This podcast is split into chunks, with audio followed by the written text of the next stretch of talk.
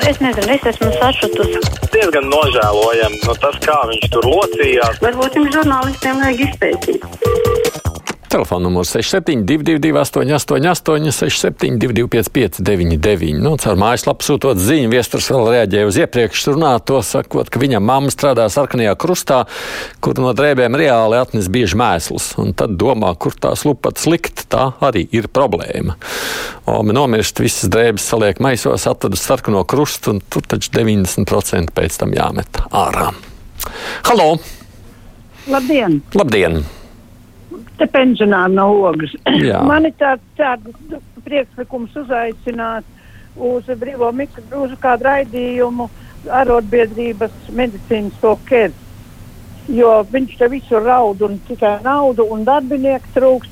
A, kā viņš domā tiem darbiniekiem palīdzēt? Es tādā vecumā, ka man ir darīšana stradiņos, kad mm, pieiet pie reģistrācijas lodziņa, kā jums uzvārds, ja ņepaņemai kā viņa tālāk. Tagad tas cilvēks var iet. A, ko tas jaunais dakteris tam 30 gadu, nu labi, es krieviski māku.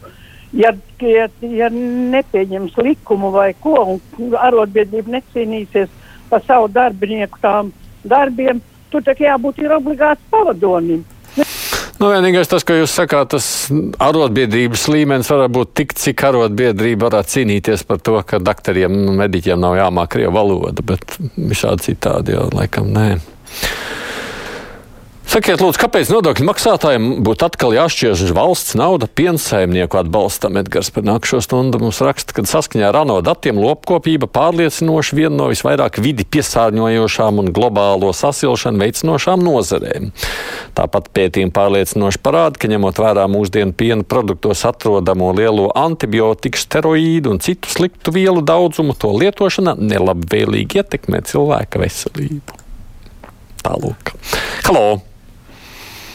Labdien! Labdien!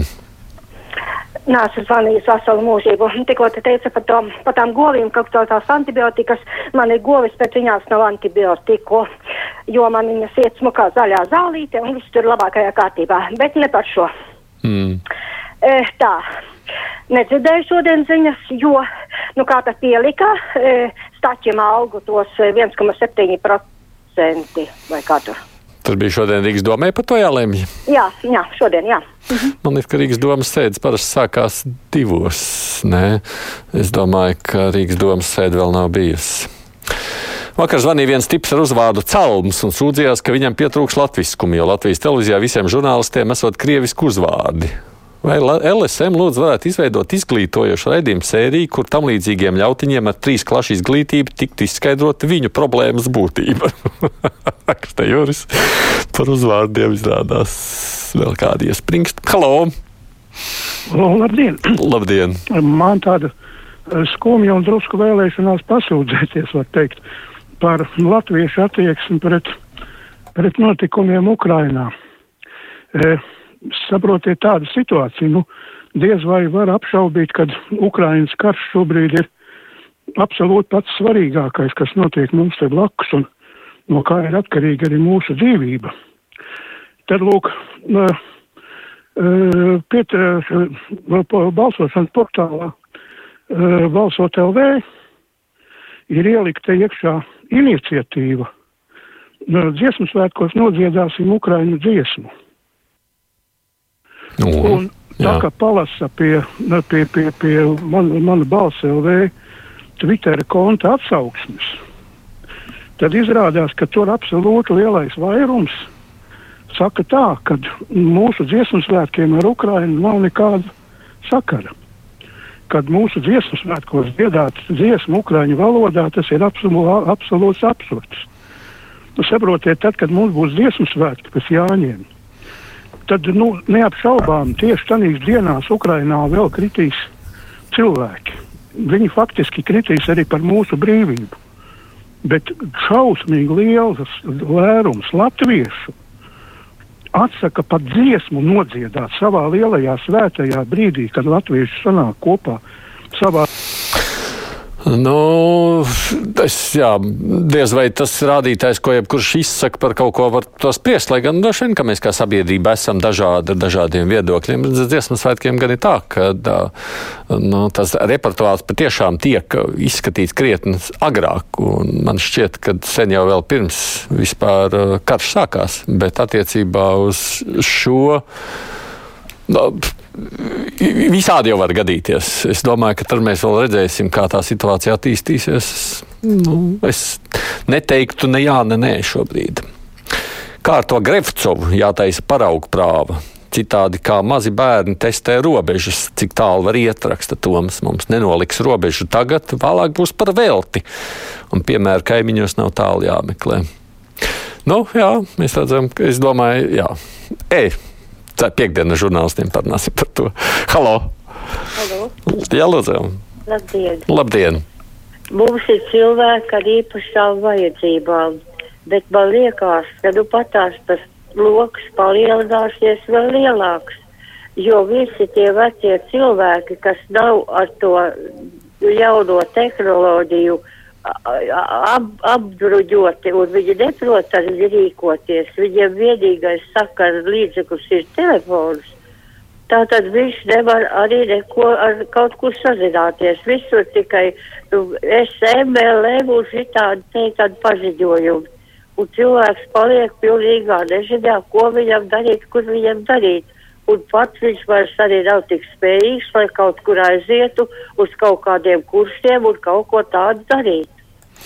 Nu, pilnīgi noteikti ir skaidrs, ka vienmēr ir jābūt alternatīvai, tā kā jūs sakāt, jo vienmēr būs cilvēki, kas to nevarēs lietot, un tas ir iemesli varētu būt dažādi. Tāpēc, jā, kā jūs sakāt, alternatīvai jābūt. Lasu, ka maz pieprasīts atbalsts malkai ar čekiem, raksta Rozentāla kungs. Vienkārši neviens nepērk un nepārdod malku ar čekiem. Es esmu par to, ka jāmaksā nodokļi, bet baidos, ka tad, ja būs čeki par malku, tad tā būs tik dārga, ka vispār nemaz nevarēs atļauties. Valstī vajag sakārtot mazo uzņēmumu nodokļu politiku, lai tā būtu vienkārša un sakārtota. Nu, jā, temats, kas arī, kā mēs redzam, aktualizējās. Halo! Labdien! Labdien! Es gribētu jums pateikt, pateikties par ļoti labiem raidījumiem radio. Es gan esmu pensionāri, kuru visi, visi nosoda, ka mēs esam muļķi, bet ir ļoti, jums ir ļoti raidījumu klāsts. Tagad jaunais grēviņa raidījums, un arī tie par gadgetiem piekdienās, un tur, vārdu sakot, viss. Bet ko es gribētu teikt? Varbūt tagad it kā grib apvienot televīziju ar radio, bet man ir pretenzijas pret televīziju. Kāpēc pirmā programma nerāda kolosālos raidījumus, Latvijas lepnums, tagad sportistu apbalvošanas un tādas, kas tiešām paceltu pelnus latviešiem? Latvijā vispār. Jo lieta tāda, ka pensionāri mēs taupām, man, piemēram, mājās internets. Es izmantoju personīsko. Tā tad es nevaru ieslēgt un paskatīties kaut kur, kaut kādā tur uh, failā. Tālāk, otra lieta, kad, kad arī programmas mums ir bezmaksas, kur nemaz nav trešā, kur rāda šos raidījumus. Un pirmā programma, piedodiet man, ir tik, nu, ļoti maz ko skatīties, kaut kādi tur ziepju seriāli, atkārtojumi un ļoti reti raidījumi. Nu, droši vien, ka tur jākomentē kolēģiem no televīzijas. Es saprotu, ka kaut kādā mērā tas ir izšķiršanās jautājums, kam mēs un kam varam atļauties un ko nevaram atļauties. Bet droši vien, ka kolēģiem vajadzēs komentēt, nu, kas nosaka to izvēli, kāpēc tieši šo un ne citu viņi spēja. Uh, varbūt Vācija agrāk pieņēma lēmumu sūtīt leopardus, bet atlika to publisko paziņošanu līdz Zelenska dzimšanas dienai.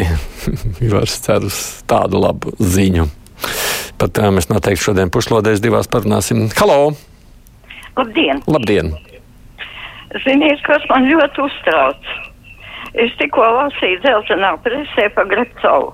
Visi uztraucās par viņas darba vietu. Man ir pilnīgi vienalga, par ko viņa strādājusi bet ka cilvēks melo par savu izglītību. Un mūsu centrālā vēlēšana komisija tik vienkāršu lietu nav atklājusi. Man visvairāk uztrauc arī pārējie deputāti varbūt ir tādi paši. Kā var būt mūsu augstākajā valsts likumdošanas orgānā cilvēks, kurš pat neatbild par savas anketas pareizu sapildīšanu? Man uztrauc mūsu centrālās vēlēšana komisijas darbs. No Centrālā vēlēšana komisija nav izmeklēšanas iestāde. Atcerieties, uz katrām vēlēšanām ir pie tūkstoši deputātu kandidāti. Viņi nenodarbojas ar to, lai pārbaudītu katra cilvēka biogrāfiju. Tā kā šis ir uz uzcības pamata, tāpēc jau pēc tam ir krimināla process un tālāk savukārt iestājas atbildība, kas ir jau krimināla atbildība par to, vai tā informācija, kur esat snieguši, ir patiesa vai nē. Process, es domāju, iet pats par sevi pareizs varētu ieviest raidījumu 15 minūtes prieka, raksta mums Juta, kurš zvana, raksta, par ko es pateicamies un par ko priecājamies. Apzinātība, kā tagad moderni saka. Nu, jūsu apziņotība ir iespējams no jums pašiem šobrīd atkarīga. Varat zvanīt par prieku. Halo! Labdien! Labdien. Aidi, paklau. Paklau. Eh, Šitas Krievu raidījums, eh, viens plus divi. Es kādreiz skatījos to aklā, vienkārši tā.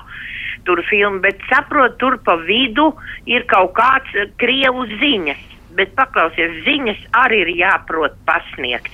Viņš stāv tā kā tāda statuja, ne pa milimetru, ne pa kreisi, ne pa labi, nepakustēsies. Viņu neredz, vai viņš runā vai nē. Nu, kurš kliev, krievs tādu klausīsies? es neesmu laikam redzējis, piedodiet, bet nu, labi, ka es sēžu. Vismaz nav statujas, sēdoša statuja. Daugopils augstskolās pasniedzēji runā tikai krievu valodā, arī tie, kas apmāca bezdarbnieks citur, piemēram, balvos. Un Eiropa par tiem kursiem maksā bargu naudu, bet kursanti gandrīz neko nesaprot, īpaši jaunieši. Instruktors rāda ar pirkstiem, jo jaunietis valodu neprot.